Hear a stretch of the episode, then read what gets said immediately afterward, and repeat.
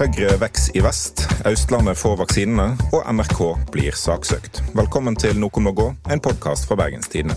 Med meg i studio har jeg Jens Kiel og Eirin Eikefjord. Mitt navn er Morten Myksvold. Morgen, folkens. Altså, vi har jo da eh, så mye å prate om, men først av alt Høyre, Arbeiderpartiet, 5-3. Nei, det har eh, ikke vært eh, fotballoppgjør i bystyret. Men dette er mandatfordelinga på den rykende ferske eh, Hordalandsmålinga til BT. Og det som egentlig er det store bildet, er at eh, denne målinga, som er tatt opp gjennom ja, før og etter helga med Høyre-landsmøtet, så går Høyre fra fire mandater på vår forrige måling til fem denne gangen. Eh, Arbeiderpartiet mister ett. Og ja, Venstre er som vanlig ikke inne. SV er tilbake på ett mandat, og ellers er det litt som forventa over hele linja. Eirin Eikfjord, du som er da politisk redaktør i mediehuset Bergens Tidende. Hva, hva, tenker du er mest interessant på denne, denne målinga? Det er jo at Høyre biter seg så grundig fast. De er jo stiger stadig. Det, liksom, det har jo vært mye kritikk av Høyre og måten de har styrt på. og Det er jo ikke sånn at det har vært bare medvind, men likevel så virker det som om velgerne ikke bryr seg. Støtte opp. Ja, er det Er de rett og slett på en måte Virker de litt immune mot små og store? For det har jo vært eh, flere saker siste tida egentlig som har kunne ha vært vanskelig for Høyre? Ja, altså Høyre fikk nettopp sterk kritikk i, i Stortinget for, uh, for Bergen Engines-saken. Uh, en har koronakommisjonsrapporten som kom vel i forrige måned, der uh, en fikk kritikk for hvordan en, en håndterte pandemien i, i tidlig fase bl.a. et mulig grunnlovsbrudd. Erna Solberg spiste sushi på Geilo, som til vanlig er helt OK å gjøre, men de var, de var rett og slett for mange i restauranten. Altså, er det helt ok å spise sushi på Geilo? Jeg, jeg, vil bare melde inn det som en liten sånn Men ok, ja. You do you. Tenker ja. Hvis du er Høyre-leder, så går det greit okay, å ta seg en sushi-middag. Ja. Og det er jo ikke du, Jens. Men kan vi snakke om ei slags inneklemt venstreside, siden dette var tatt opp, den målingen ble tatt opp i en sånn inneklemt uh, uh, fridag-helg? Fordi at uh, altså Rødt går fra 2,1 i forrige valg til 4,1 på denne målingen. Ingen nye mandat. Senterpartiet fra 7,6 i 2017 til 15,3. Ingen nye mandat på denne målingen. Ja, men Det er litt, eh, litt løgn, da. Fordi Sist så hadde de da ett distriktsmandat og ett utjevningsmandat. Og ja. Denne gangen har de to utjevningsmandat. Ok. Eh, men ja. Mm. Eh, men ja, det er jo litt sånn Og samtidig, da. Frp går fra 15,1 til 9,6 fra forrige valg til, til, denne målingen. Taper ingen mandat her. Nei. Og det er jo egentlig bare et uttrykk for at Hordalandsbenken burde vært større, sånn at den kunne fanga bedre opp mindre endringer. Nå snakker du som en ekte vestlending, Jens. Ja. Nei, men, men altså, det har vi jo sett på flere av disse målingene gjennom øh, vinteren. At øh, 4,1, 4,2, 4,3, da er det stang ut. Og så plutselig 4,4, så får du mandat. Og det vil jo eh, sikkert bli det som avgjør dette, fordi vi har jo Rødt, MDG, KrF og i perioder Venstre som ligger rundt der, da. og det vil jo avgjøre veldig sammensetninga av Hordalandsbenken. og så syns jo jeg at det er Det at det liksom virkelig ikke vil seg for Venstre, for 2,3 på denne målinga til Venstre i Hordaland Det må være helt historisk dårlig for dem. Altså, de har jo, det har ikke alltid vært representasjon for Hordaland, men det har jo vært et ganske sterkt venstrefylke.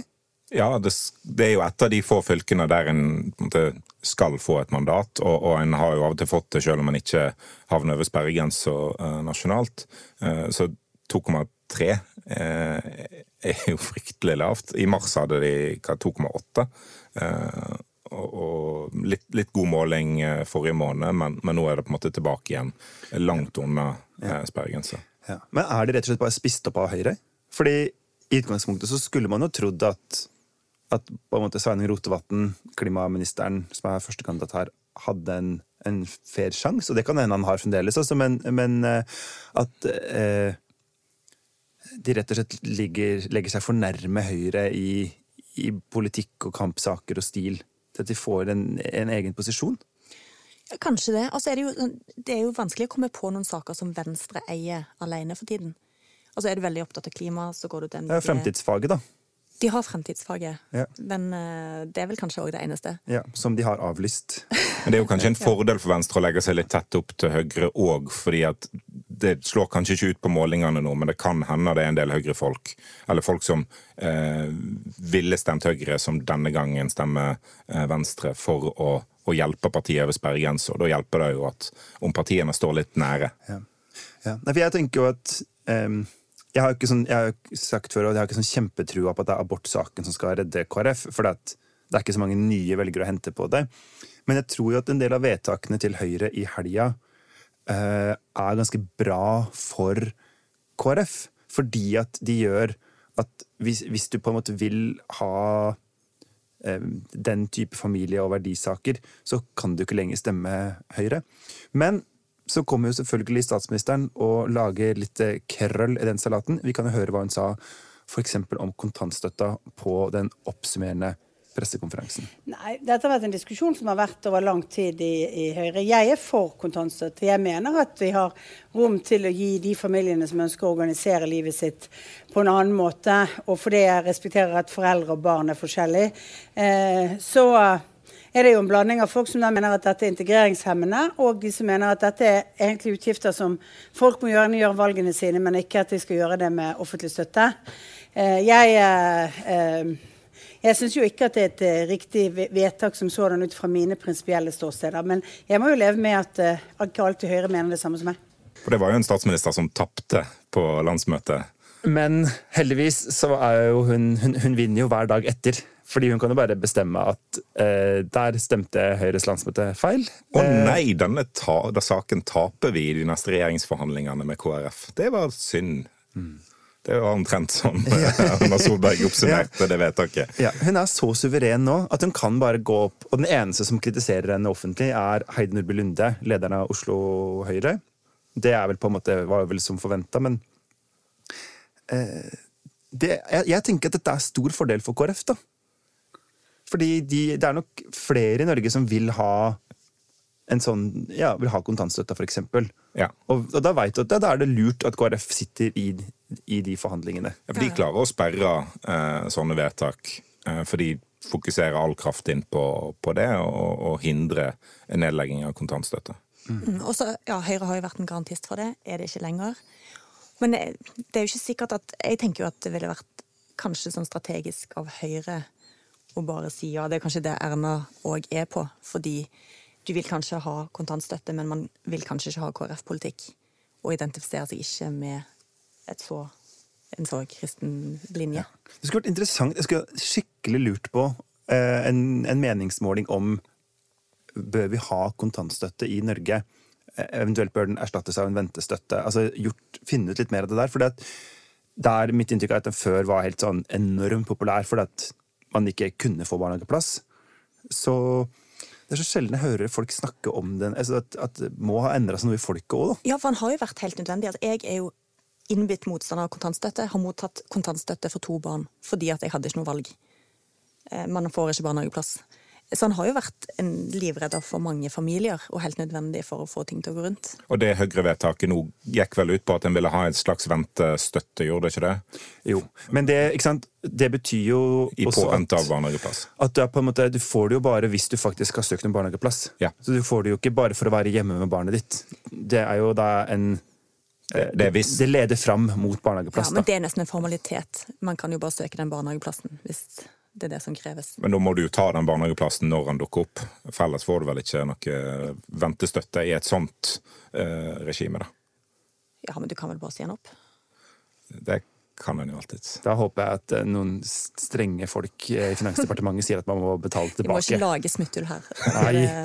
Eh, Men så er jo en annen altså det, det går jo litt ned for Høyre på målingene, men samtidig eh, Ja, Ja, nasjonalt. Ja. Ja, ja. Men det står jo sterkt. ehm, og det var et ganske sånn selvsikkert Høyre vi så i helga, er mitt inntrykk, i hvert fall. Ehm, for at de veit at de kommer kanskje ikke i regjering, men de kommer til å gjøre et ganske bra valg. Ehm, har dere eh, sett noe ved, ved Høyres landsmøte som dere har tenker at eh, vi bør merke oss? Altså, du kalte det jo for Erna-festivalen, Jens, og det syns jeg er egentlig en ganske god beskrivelse.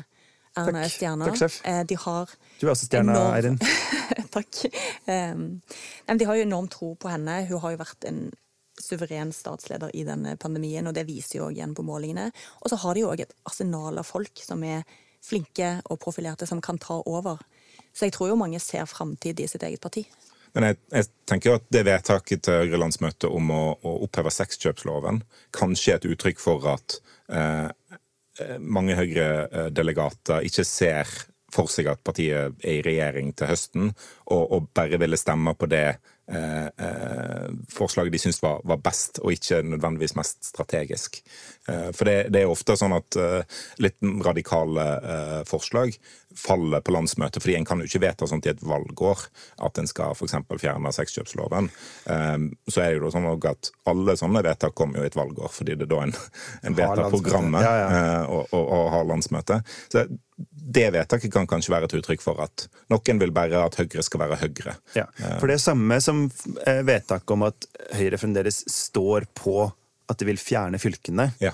Eh? For begge deler, både det og sexkjøpsloven, er jo egentlig videreføring av gamle programpunkt, men hvor man kanskje kunne tro da, at Høyre bare sier vi gidder ikke lenger mene Høyre-standpunktet, men men- mener regjeringsplattformpunktet. på en måte. Eller sånn der, mener liksom den Og det er jo et suppa vi har styrt på, styring, eller på grunnlag av. Det er jo et sykdomstegn for et regjeringsparti hvis regjeringsplattformen blir til partiprogrammet. Eh, at det blir så passivt. Så det er jo, det er jo for så vidt bra at eh, Høyre tør å være litt opposisjon til regjeringen. Eh, Altså, det minner meg, dette minner meg egentlig veldig om Arbeiderpartiet i 2013, som jo visste at de ikke skulle sitte i regjering mer etter eh, valget, men lå kjempehøyt på målingene og gjorde et godt valg. Eh, og gikk til valg med det ekstremt usexy slagordet 'trygg økonomisk styring'. Eh, Men det var jo det folk ville ha. ikke sant? Det derre Keine-eksperimentet. Linja står jo ganske sterkt i folket. Og det er jo egentlig akkurat det Høyre gjør nå. Sånn Masse nye folk, eh, eller flinke folk som skal overta partiet. Eh, litt sånn kjedelig valgkamp, men det er det folk vil ha. Norge har en eh, høy arbeidsledighet akkurat nå pga. korona. Det er ikke akkurat tid til å, å eksperimentere, da, som det gamle tyske valgkampslagordet. i, i, motsetning til alle de gangene Høyre på, mener det er på tide med et eksperiment. Så, ja. Høyre har eksperimentert litt i både fiskeriminister- og justisministerposten. da. Det skal de ha. De skal jo eksperimentere med åpent pol til klokken åtte. Det syns jeg er et hyggelig eksperiment. For et Ja. radikalt Ble- annerledes ble det samfunn det sterkøl i butikk også? Ja, Det husker jeg ikke. Jeg tror kanskje det. Og det er i hvert fall, jeg merker det er sånne ting som er sånn Uh, Ja, det er mitt høyre. Det er ikke så veldig mye i Høyre som er mitt høyre, men akkurat det er sånn Tusen takk. Ja. Vi skal videre til eh, rettssaken mellom Line Andersen og NRK. Andersen, som annet er kjent fra sjakksendingene der, eh, saksøker NRK etter det hun mener er en usaklig oppsigelse. Hei, hei. Lenge siden. Du, vi er veldig spent. Vi skal kommentere alt når rettssaken er over. Her hørte vi Andersen på vei inn i eh, rettslokalet, og hun skulle kommentere alt idet eh, rettssaken var over. Men hvorfor er det sånn at hun må kommentere alt? Hvorfor er denne saken så vanvittig stor? Er det medieandedammen i full sving vi ser her, der her er det en kjendisjournalist som eh, er, er involvert i en rettssak. Da skal det være på toppen av VG-fronten og eh, veldig, veldig viktig eh, sak i, i mange dager. Altså, jeg tenker at det ikke er andedammen, først og fremst. Jeg tenker at det er kanskje mer, eh, dessverre, da, liksom kikkermentaliteten. Eh, fordi Pikante detaljer, liksom. Ja, altså Og, ja, og det allmenne i det, men, men at eh, eh, Jeg tror ikke denne saken er så stor for at mediefolk lurer på hva som skjer i mediebransjen. Eh, jeg tror det rett og slett er mer Dessverre, hun er en kjendis, og det gir enormt eh, høye lesertall. Og ikke minst at det er en ekstremt potent konflikt, og konfliktstoff selger alltid godt. Og særlig når det er kjendiser og en stor institusjon som NRK, som eh, Ja. alle har et forhold til. Og så tror jeg òg at denne konflikten er ganske relaterbar, uansett om du jobber i mediebransjen eller ikke, så handler jo den om konflikt på arbeidsplassen er noe som folk er opptatt av, og som mange opplever. Eh, og som kan bli skikkelig skikkelig stygt. Men sentralt i konflikten står en sykemelding som, som endte med at hun ble tatt av en, eh, en mesterskapssending i, i sjakk. Eh, og, og, detaljer fra den sykemeldingen kommer selvfølgelig fram i rettssalen for å belyse eh, både om, om, det var alvorlig nok, eller om NRK hadde en god grunn til å erstatte henne. Men, men, det kom òg fram i, i, mediene. altså eh, Voldsom liksom, mengde detaljer om hennes personliv, om, om hennes eh, liksom, ja, sykemelding. Mm.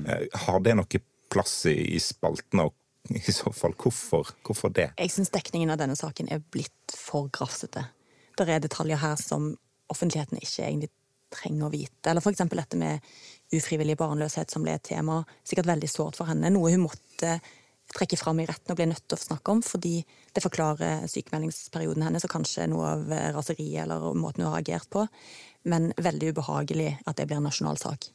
For du kan jo være forberedt på at det kommer fram i retten. Eh, fordi når en sykemelding er en sentral del av en arbeidskonflikt, så, mm. så må det kanskje ja. Eh, detaljene fram. Men jeg tenker jo at, ikke sant, eh, jeg, jeg, er helt for at media skal dekke denne saken, og vi, vi snakker jo om den her. Altså, blant annet nettopp det som du er nevner med, at, at, det er så relevant for så mange, da. Med hvordan løser du en sånn fastlåst arbeidskonflikt? Men sant, til vanlig når media dekker rettssaker, så er det masse detaljer. Masse av innholdet som vi aldri tar videre. Eh, altså, i, altså, Hvis det er voldssaker i en familie eller hva som helst. ikke sant?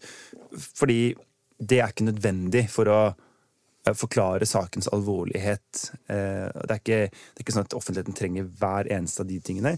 Så det, det synes jeg er veldig rart, den saken, at det er for en del medier, da, eh, blant annet Nettavisen har jo kanskje gått aller lengst, så er det tilsynelatende ingen grenser for hva som kan eh, publiseres. Men er det da sånn at fordi Linn Andersen er kjent, så er det liksom større sjanse for at private detaljer som vanligvis ville bare blitt delt inn i rettssalen, òg kommer fram i, i, mediene? Og har da kjendiser mindre eh, Altså et mindre personvern, eh, mindre rettsvern? Du skal jo tåle mer som en offentlig person. Og i denne saken så vil jo kanskje noen argumentere med at hun sjøl har gått veldig offentlig ut med sin sak. Latt seg intervjue, stilt seg i offentlighetens søkelys. Men likevel, altså, kjente personer skal jo òg kunne gå til arbeidsrettssak, eh, og ikke måtte bli nasjonal sak, og at alle detaljer skal brettes ut. Ja. Og så er det jo en annen, eller en side ved dette her, da, at tross alt eh, Line Andersen er jo ikke eh, Grand Prix-stjerne eller Paradise-deltaker. Eh, journalist som dekker sjakkmesterskap og, og, ski og friidrett. Altså, så det er jo et eller annet med det òg at eh, hvis vi skal sette grensa der, at idet du jobber i NRK og er en del på skjermen, så har du null rett på noe skjerming av privatlivet. Så er jo det også ganske Da setter du grensa litt lavt, da, tenker jeg. Ja. Men, hva tenker du om selve saken, du som jo er en slags eh, husjurist? Denne saken viser bare hvorfor arbeidsrettssaker aldri, aldri, aldri må gå til domstolene. Det skader alle. Alle taper på det. Og det er jo derfor alle advokater som er involvert i de sakene, deres første mål er få det forlikt, altså bli enige utenfor rettssalen. Det er Og de garantert har de gitt Line Andersen råd om å ikke gå til retten. Eh, NRK har nok garantert et ønske om å slippe, fordi at det kommer fram så mange detaljer som ikke tjener noen. Eh, NRK som arbeidsgiver kommer heller ikke Definitivt ikke noe særlig godt ut av dette. For, for, anklagen her er at Linn Andersen har vært litt sånn bøllete i oppførselen og brukt litt sterk språkbruk og, og, og sånt, Men, og, og, at det har vart i, i mange år. Og det er jo en anklage som speiler rett tilbake på NRK sjøl, hvis de har latt det skje. Ja, for Først så var det jo dette sjakkmøtet, et, et, et liksom eksplosivt oppgjør i sjakkredaksjonen i 2019. Sjakkredaksjonen, det er bare et eller annet som er veldig fascinerende med at, at, at NRK det er så mye større enn alle oss andre at de har en sjakkredaksjon. Du må Men, få ganske mange milliarder fra staten for å kunne ha en sjakkredaksjon, tror jeg. Ja. Men det viser seg jo da òg at disse konfliktene går mange, mange år tilbake. I hvert fall tilbake til 2013, som jeg oppfatter det. Og da tenker jeg at NRK har gjort den tabben som alle arbeidsgivere gjør, og aldri bør gjøre, nemlig unnlatelsen. De har sett at det har vært problemer, de har vært i disse konfliktene uten å ta grep. Og da har du et problem i retten, juridisk sett, for at du må Du kan ikke bare sitte og sukke på et møterom og være litt sånn oppgitt over at her er det litt eksplosivt og uh, kjip tone. Man må ta tak. Ja, for det er ikke likeverdige parter, dette. Det er en arbeidsgiver og en arbeidstaker. Ja. Det er jo litt sånn, altså, det er jo et helt annet ansvar en arbeidsgiver har. Altså type en, eh, en kollega, en klubbleder, et eh, hovedverneombud. Eh, alle sånne skal jo prøve å bidra, men det er arbeidsgiver som til sjuende og sist sitter Ja, og med det de- lovpålagte ansvaret. da. Og de har, NRK som arbeidsgiver har jo både et ansvar for de andre ansatte som jobber sammen med Line Andersen, men òg et ansvar overfor henne for å gi hun mulighet til å korrigere atferd. For det virker jo nesten som at hun har tenkt at ja, men det klikker for meg i et møte, og så ber jeg om unnskyldning, og så er alt greit etterpå. Hun, det har jo ikke fått tydeligvis noen konsekvenser. For det er jo sånn, nå, det er jo det er en utrolig interessant eller fascinerende bevisførsel. Altså type intervju i magasinet Tara, hvor hun sier jeg er en sånn som enten er smørblid, eller så klikker det helt for meg. Og det blir på en måte bevis for at sånn er hennes oppførsel. Ja. Men det tyder også på at hun selv, når du, når du kan si det om deg sjæl i et intervju, da, så tyder det på at du tenker at ja, sånn er jeg, og det, det lever alle fint med, liksom. Og så har ikke hun sett at Nei. det har påvirket andre i veldig stor grad. Men, men det er jo uansett galskap at denne saken er kommet for retten. Det er blitt for det, med en gang du er ute av den fasen der du prøver å bli enige og kanskje legge noen penger på bordet, og folk snakker fint om hverandre for å glatte over og tenker at dette skal vi løse Når det først kommer inn i domstolen, så er det krig. Og da er jo NRK sine advokater Nå skal de vise at det ikke har vært usaklig å omplassere henne. Og da er de nødt til å gå knallhardt inn i hvordan har hun oppført seg, vise gamle episoder, vise hvor ille det har vært for alle å jobbe med Line Andersen. Og det er jo helt fryktelig, og jeg tror aldri at hun kunne forestilt seg hvor ille det kom til å bli. Og så blir mediedekningen Det, det kommer på en måte på toppen Ja. av, av det hele. Da. Og det som er det store problemet i denne saken, er jo at de skal jobbe sammen etterpå. For mange arbeidsrettssaker handler jo om oppsigelser der man kanskje ikke skal tilbake på jobb. Men nå skal de jo faktisk jobbe sammen i mange, mange år og finne ut av det med dette utgangspunktet her. Det er jo en katastrofe for en arbeidsplass. Ja. Og eh, NRK-sporten skal rekruttere nye medarbeidere med på en måte denne reklameplakaten rundt seg sånn Sånn, eh, Hvis det er litt uenighet på arbeidsplassen vår, så velger vi å la det skure gå i åtte år, vi. Eh, uten å ta tak i det på en skikkelig måte. Altså Det tenker jeg også er den side ved dette her. Det, det stiller faktisk ikke NRK som arbeidsgiver i et heldig lys i det hele tatt. I mitt hode, i hvert fall. Nei, virkelig ikke. Ja. Men eh, det er jo eh, Altså, Hvordan fungerer dette nå framover? Er det siste dag i morgen fredag? Ja, det er prosedyrer i morgen. Og da skal jo Hva er prosedyrer? Det betyr at advokatene på begge sider skal oppsummere sin argumentasjon, eh, komme med det de mener er sin sak. Eh, og så skal det jo være en dom her. Og den det er jo ekstremt lite å vinne på å gå til sak mot NRK i dette tilfellet, for Line Andersen har jo ikke mista jobben sin. Hadde hun gjort det, så kunne hun jo fått erstatning.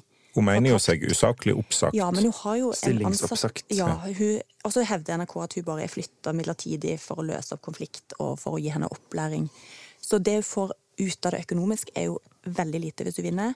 Men nedsiden er jo kjempestor med å betale saksomkostninger, og sitter nå i en situasjon der det blir Veldig mange vil tenke at kanskje er vanskelig å ansette eh, en person med så mye eksplosivt raseri. Er det eh, altså, Det er få sånne saker i Norge. Tenker du at den kan være på en måte viktig å skape presedens? Altså, blant annet så er det jo, som jeg har lært denne uka mer om, at, at arbeidsgivers styringsrett, som det heter, den står ikke i loven. Det er en sedvane vi har i Norge. Det er riktig. Eh, og den ble etablert i eh, det som kaltes NØK-dommen, eller brannmanndommen i sin tid, som handla om at eh, det var noen folk som var ansatt som matroser eller båtsmenn, ble plutselig plassert i stilling som brannmenn.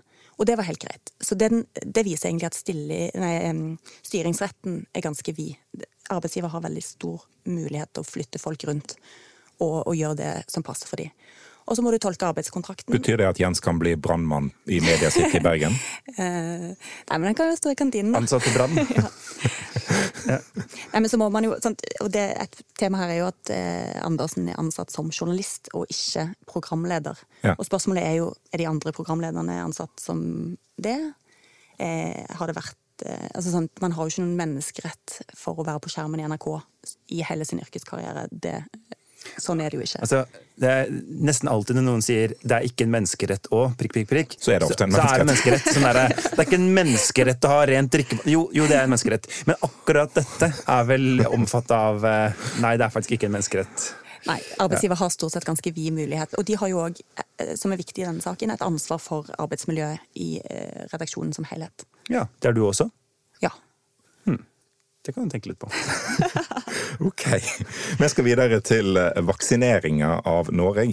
For 24 østlandskommuner får nå langt flere vaksiner eh, enn tidligere, på bekostning av eh, alle andre. Eller nesten alle andre. Ordførere og kommuneoverleger landet rundt de protesterer mot denne endringen. Hør litt på kommuneoverlegen på Askøy, f.eks. Jeg hørte helseministeren unnskyldte seg for at de var nødt til å gjøre denne prioriteringen. Og prioritering er jo å ta et valg, og nå har de tatt et valg for oss. Så da må vi be om at befolkningen vår velger å holde seg hjemme og komme og bli vaksinert i juli måned, midt i fellesferien. Er det problematisk at Vestland mister vaksiner nå og må sende de til, til Østlandet? Er det en urettferdig byrde vi får? Altså, vi har jo en historikk med å skyte sånne Amors-piler og fjellet, klappe for Oslo, sende klemmer og emojis. Jeg tenker jo dette er bare en naturlig forlengelse av det, altså. Ja, for jeg, da bystyret dreiv med de greiene der, eh, og vedtok liksom en slags sånn hyllest av Oslo, så skrev jeg i avisa send, send penger til de permitterte og vaksiner til eh, de som trenger det. Ikke tomme, kleine støtteerklæringer. Og nå er det jo det man gjør. Eh, Jeg tror dette er veldig, veldig bra. Altså, vi eh, Jeg merker at ikke sant, at det blir sagt, sånn som du sier, Morten, 24 østlandskommuner, for å liksom poengtere hvor de ligger. Og det er Men- sentralt på Østlandet òg, Ja. det er liksom ikke Trysil. Men i mitt hode så er det sånn, jeg driter jo i hvor de kommunene ligger. Det er helt uvesentlig for meg at de ligger der. At liksom eh, Om det er Moss for mer, på en måte. Fordi spørsmålet er bare Jeg vil ut av denne pandemien, eh, og det så fort som mulig. Og hvis det at en del kommuner på Vestlandet nå forsinker vaksinasjonen med en uke, to uker, i bytte mot at hele Norge kan åpne opp antageligvis mer og raskere. Ja takk, la oss bare gjøre det. Og det er ikke så farlig med meg, men for de som er eksempel permittert, så to-tre uker raskere tilbake på jobb vil ha mye å si. ikke sant? For de ungene som sitter og er hjemme i en eller annen utrolig kjip familiesituasjon. Så det å kunne slippe mer ut og tilbake i samfunnet igjen noen uker raskere, det har mye å si. Det er jo, Ingen er fri før alle er fri. Vi er liksom gisler i denne situasjonen sammen. Og jo raskere hele samfunnet er reetablert, jo bedre for alle. Du kan jo tenke deg en situasjon der regjeringen innfører et vaksinepass, da, og at det blir karantenefri eh, sydenturer i sommer for de som er vaksinerte. Så kan du jo få situasjoner der 45-åringer i Oslo uten underliggende sykdommer de kan reise på sydenferie, mens her i Bergen kan vi ikke gjøre det. Jeg unner alle som kan få reise og drikke og møtes det, uansett, tror jeg jeg. unner det ikke så mye, faktisk. Men, eh, eh, men Er du eh, ikke raus, eh, Jens? Jo da, altså, sånn, det, hvis, de, hvis de kan reise, så må de jo bare få reise, men, men jeg tenker uansett at det er sånn eh, For eksempel da, i Sogn og Fjordane, eller Hardanger eller hvor som helst, for det er lite smitte, så er det jo også sånn at de har nå bare de nasjonale tiltakene, og ikke noen lokale. Men de nasjonale tiltakene er jo ganske kjipe å leve under. Og den raskeste måten de kan slippe unna dem på, er jo ikke ved å få mer vaksine i samfunnet lokalt. fordi at eh, nå er jo risikogruppen i ferd med å bli ferdigvaksinert etter hvert. Og sånn. Og da er det jo egentlig spørsmålet om de nasjonale tiltakene som må lettes, og hvordan gjør vi det raskest? Jo, ved at områdene med høyest smittetrykk eh, først eh, får mer, da. Et argument som blir brukt for eh, å eh, at kommunene skal få beholde sine vaksiner, som det blir omtalt som, det er det jo ikke, eh, er jo at eh, kommunene har fortjent å, få vaksinene fordi befolkningen har vært snille og greie og fulgt smittevernreglene, og, kommunene har lav smitte. Da skal en premieres med vaksiner, mens nå blir en straffa ved å bli fratatt vaksine. Og Det er jo en veldig spesiell måte å se på det norske Det helsevesenet er jo på. en kortslutning som egentlig følger hele den koronadebatten hele tiden. At man anser smittevernregler som en slags det skal sikre Straff. rettferdighet eller påføre straff eller eh, De skal hindre smitte. Ja, det er poenget. jeg tenker jo at det for eksempel, altså, eh, hvis man, det, Vi ser jo at det har vært høyere smitte i arbeiderklassen. Ikke sant? De har mer eh, manuelle jobber hvor det ikke er mulig med hjemmekontor. De bor trangere, osv. Så, videre. Så den eneste logiske konsekvensen av dette vil jo være å si at øvre middelklasse eh, som bor i sine villaer og har hjemmekontor, og kan reise smittefritt på hytta, må få arbeiderklassens vaksiner for at de har utvist bedre smittevern.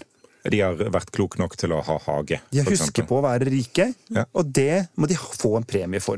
Men det hadde vært interessant hvis det der eh, 'vi har fortjent det' eh, hadde slått rot i, helsevesenet. da. For Hvis en, en kommune som, som Hva har heter det derre eh, 'because I'm worth it'? eh, En kommune som har en lavere andel røykere for eksempel, enn landssnittet, burde de fortjent i større grad at deres innbyggere ble prioritert i, i kreftbehandling? Fordi en har eh, fulgt eh, regler eller fulgt anbefalinger bedre enn andre. Det hadde jo blitt helt ko-ko. Det hadde jo i hvert fall ført til at Sogn og Fjordane hadde fått beholde flere av lokalsykehusene sine. For de har jo så sjukt god helse, og er jo så fruktbare og lever jo så lenge. og altså De burde fått bare sagt sånn Ja, et sykehus på hvert nes. Skal du ha, skal du ha høy eh, grad av mammografiscreening i kommunen din, så må du ha høy nynorskandel. Det er sånn, sånn det er nå. Ja, Da må vi også finne på et bedre ord enn mammografiscreening. Det, det kan en gjøre. Det bør helst være på nynorsk. Ja. Uh, nei, men jeg syns denne debatten har blitt så utrolig rar, uh, fordi Det blir en distriktsdebatt. Var ikke det litt forutsigbart? Jo, det var jo selvfølgelig det som kom til å komme, men, men jeg syns jo at eh, det FHI har gjort, har jo ikke vært å legge opp til en distriktsdebatt. De har jo prøvd å si vårt ansvar er å ta Norge så raskt som mulig ut av pandemien. Dette er vårt forslag til hvordan det kan gjøres. Ikke kjempemye raskere, men noe raskere. Eh, og hvor det jo ikke er sånn at noen kommuner skal slutte å vaksinere, men at den økninga som vi regner med at kommer til å komme, skal tilfalle eh, noen kommuner i en viss periode. Og så bare poff, plutselig så tar den debatten helt av. Og jeg må si, eh, ja, på Vestlandet det, ja, det kommer til å ta litt mer tid før vi er ferdig vaksinert. Men i det store bildet så er det jo Dette er jo til gode for oss også. Men en ting jeg kan forstå med reaksjonen, da, selv om jeg eh, støtter den, den skjevfordelingen, eh, prioriteringen som gjøres, er at eh, det er ikke sikkert at kommunene som blir nedprioritert nå, klarer å oppbemanne såpass når de skal tilbake på vanlig vaksinasjonsgrad i fellesferien, at de klarer å opprettholde vaksineringen da. Eh, og at det, noen av de som er tapere på dette, er helsearbeidere som må eh, som eh, må endre ferieplanene sine fordi de bør heller sette vaksinesprøyte enn å, å reise på norgesferie. Så der kan du ha en, en sak, da. Men samtidig så kan det jo ikke være noe argument som kommunene kan få lov til å legge fram at vi får, klarer ikke å vaksinere i juli, derfor kan ikke vi gi fra oss vaksiner nå. Nei. For da vil jo alle bare si det. Ja, og så tenker jeg jo at, at det er Ja, vi Spørsmålet nå er jo eh, rett og slett eh, hvordan kommer vi oss raskest mulig ut av pandemien. Um, og da er det jo viktigere med de som er eh, ja, f.eks. permittert, da, eller om noen må legge om ferien sin. Em, det høres kanskje litt ufølsomt ut, men det er min mening. Det er din mening, og det skal du få lov å ha. Helt til meningen din blir prioritert til Østlandet. Oi, oi. Ja. Vi skal videre til vår faste spalte og Vestland, der Jens prøver å finne ut hva landsdel han egentlig har flytta til. Og hva har du tenkt på i dag, Jens? Du, jeg rett og slett eh, tar min nystemte sitar eh, på skuldra og dasser bort Nei, på skuldra. Okay. Eh, for jeg kan ikke spille sitar uansett hvor nystemt den er. Tasse bort i Grieghallen, for neste uke så er det eh, åpning av Festspillene i Bergen. Som er eh, Nordens største eh, i sin sjanger. Og så vet jeg ikke helt hvilken sjanger Festspillene egentlig er i. Men spørsmålet er må man, altså, må man elske Festspillene for å være bergenser? Altså, hva er, hva er Festspillene for noe? Vi kan jo eh, starte med deg, Eirin, som jo eh, som politisk redaktør definitivt tilhører øvre middelklasse, ikke minst kulturelt. og Derfor er programforplikta til å elske de greiene her. Eliten. Ja. Hva er Festspillene? Sånn, hvis du skulle prøve å oppsummere det for meg. Det er en årlig Kan vi kalle det for en festival? Eller i hvert fall en musikk, dans, drama, forestillinger som går i en lang periode i slutten av mai, begynnelsen av juni, hvert år i Bergen. Som tiltrekker internasjonale kunstnere, musikere av stort format. Eh, og Av og til av smått. Eh, som gjør at eh, masse pensjonister kommer inn til sentrum og setter seg i Grieghallen for å se på kunst. Og Ja. Det hørtes faktisk litt kjedelig ut, eh, spør du meg. Som alt annet som skjer i Bergen, så er det jo en feiring av Bergen. Altså, det, det er litt av det som er formålet, og så er det en Grieg-festival. Altså det, det var vel et par år siden der det, eh, hovedkritikken mot Festspillene var at det var litt for lite Grieg på programmet. Eh, og og det, det var det en del som var sure for. Eh, for det er jo måtte Grieg sin musikkfestival en eh, eh, lagde Festspillene for å måtte, eh, speile. da. For det er jo kult, men jeg må jo bare si at før jeg flytta til Bergen, nå er det snart tre år siden, så var det veldig mye snakk om 17. mai i Bergen. Og veldig mye snakk om Festspillene. Det var liksom det folk, eller tenkte sånn, åh, det blir litt gøy å oppleve. Og nå har jeg bare opplevd én ikke-pandemi 17. mai, men den var jo helt ellevill. Altså, det var eh, eh, Om du hadde gitt hele Oslo gøyal narkotika, så hadde de ikke greid å lage noe sånt noe. Bare for at det, det er så mye villere her. Mens eh, Festspillene var litt sånn Hele byen er helt som eh, vanlig, og så står det et litt sånn ugly, unnskyld, stygt eh, plasttelt på Festplassen.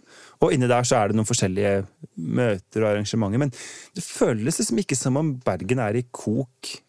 Er det veldig sobert og stillfaren til å være festival? Sobert kok.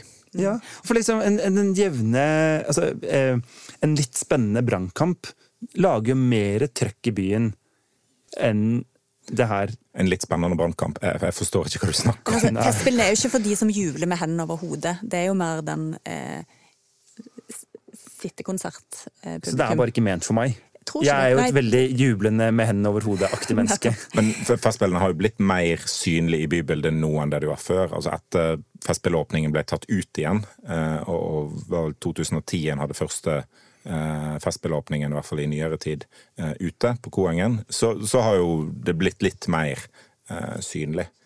Eh, Men, men ja, det er, det er mye som skjer innendørs, og mye som ikke favner hele byen. en store innvending mot Festspillene er jo at de skjer i mai, tidlig juni. Den aller, aller fineste perioden i Bergen, når du aller helst vil være ute. For det er liksom den eneste perioden det går an å være utendørs uten å bli veldig kald eller våt. Og så skal man lukke seg inn i Grieghallen eller andre steder. Altså jeg tenker, Kan de ikke flytte det til november? Så hadde jeg Da hadde det kokt. Da hadde det kokt. Kald jazz i stedet for nattjazz. Ja. Er dere, men er dere litt sånn eh, eh, Er dere disponert for dette her? Er, kan dere eh, gå og ta dere en eh, god pling-plong-konsert, for eksempel? Hvordan, eh, hvordan stiller dere dere til selve innholdet i festivalen? Jeg har stort sett gått på åpningene når jeg har kunnet gjort det. Um, det syns jeg er gøy. Ja. Og så har jeg vært på litt sånn carte blanche og noe greier. Ja. Men eh, ikke Jeg kan ikke si at jeg er en ivrig festspiller. Nei, men det er jo litt sånn eh, Hvis du faktisk er en som tenker at jeg går og ser noe sånn vanskelig dansekunst Det er jo litt eh, eh, Hva skal jeg si? Det er jo ikke alle striller som gjør det. Det er ikke alle striller som gjør det. Altså, det er ganske masse vanskelig dansekunst eh, på Grasdal òg. men det er litt, det er litt, eh, litt mindre abstrakt, kanskje. Ja, det er Veldig konkret, tror jeg. Ja. Og med et veldig tydelig formål. Ja. Ja. De, de sier aldri noe kjent, de tre siste på, på carte blanche. Nei. Savner det. Veit at det liksom går mot slutten. Og du? Ja, jeg er jo glad, jeg er glad i teater. Prøver å få med litt av det. Eh, men jeg er jo altså, Særlig nå så kjenner jeg jo på at som litt sånn eh, småbarnsmor med liten tid, hvis jeg først skal gå ut, så er det ikke alltid jeg har lyst til å sitte helt stille i ro og ikke prate med noen. Så det er jo litt mer hvilke kulturuttrykk passer for deg. Ja. Når håret blir gråere og Ja, det jeg hendene kommer ned fra over hodet, der du til vanlig har dem.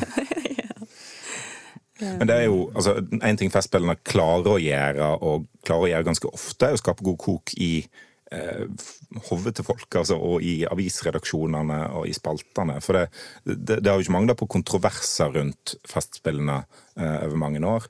Eh, I år så er det liksom Sløseriombudsmannen-stykket som eh, mannen bak mener at Festspillene ikke tørde å, eh, å, å sette opp.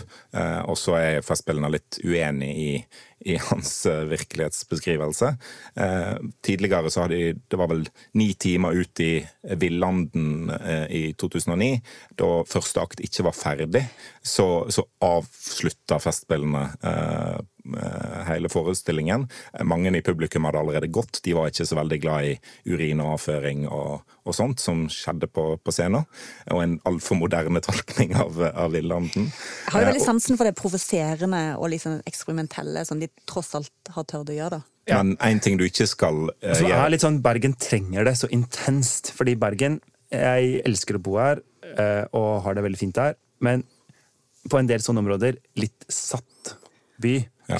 Og at det blir altså Idet noen uh, er nakne på scenen, så blir det skriverier av det, liksom. Og det er litt sånn Uh, ja, Bergen trenger å bli dytta litt i. Som Vinskvetten synger, kunnskap provoserer og gjerne irriterer, men det fins òg grenser. I 1998 så Det var jo ikke kunstnerisk nødvendig, det var av tidshensyn.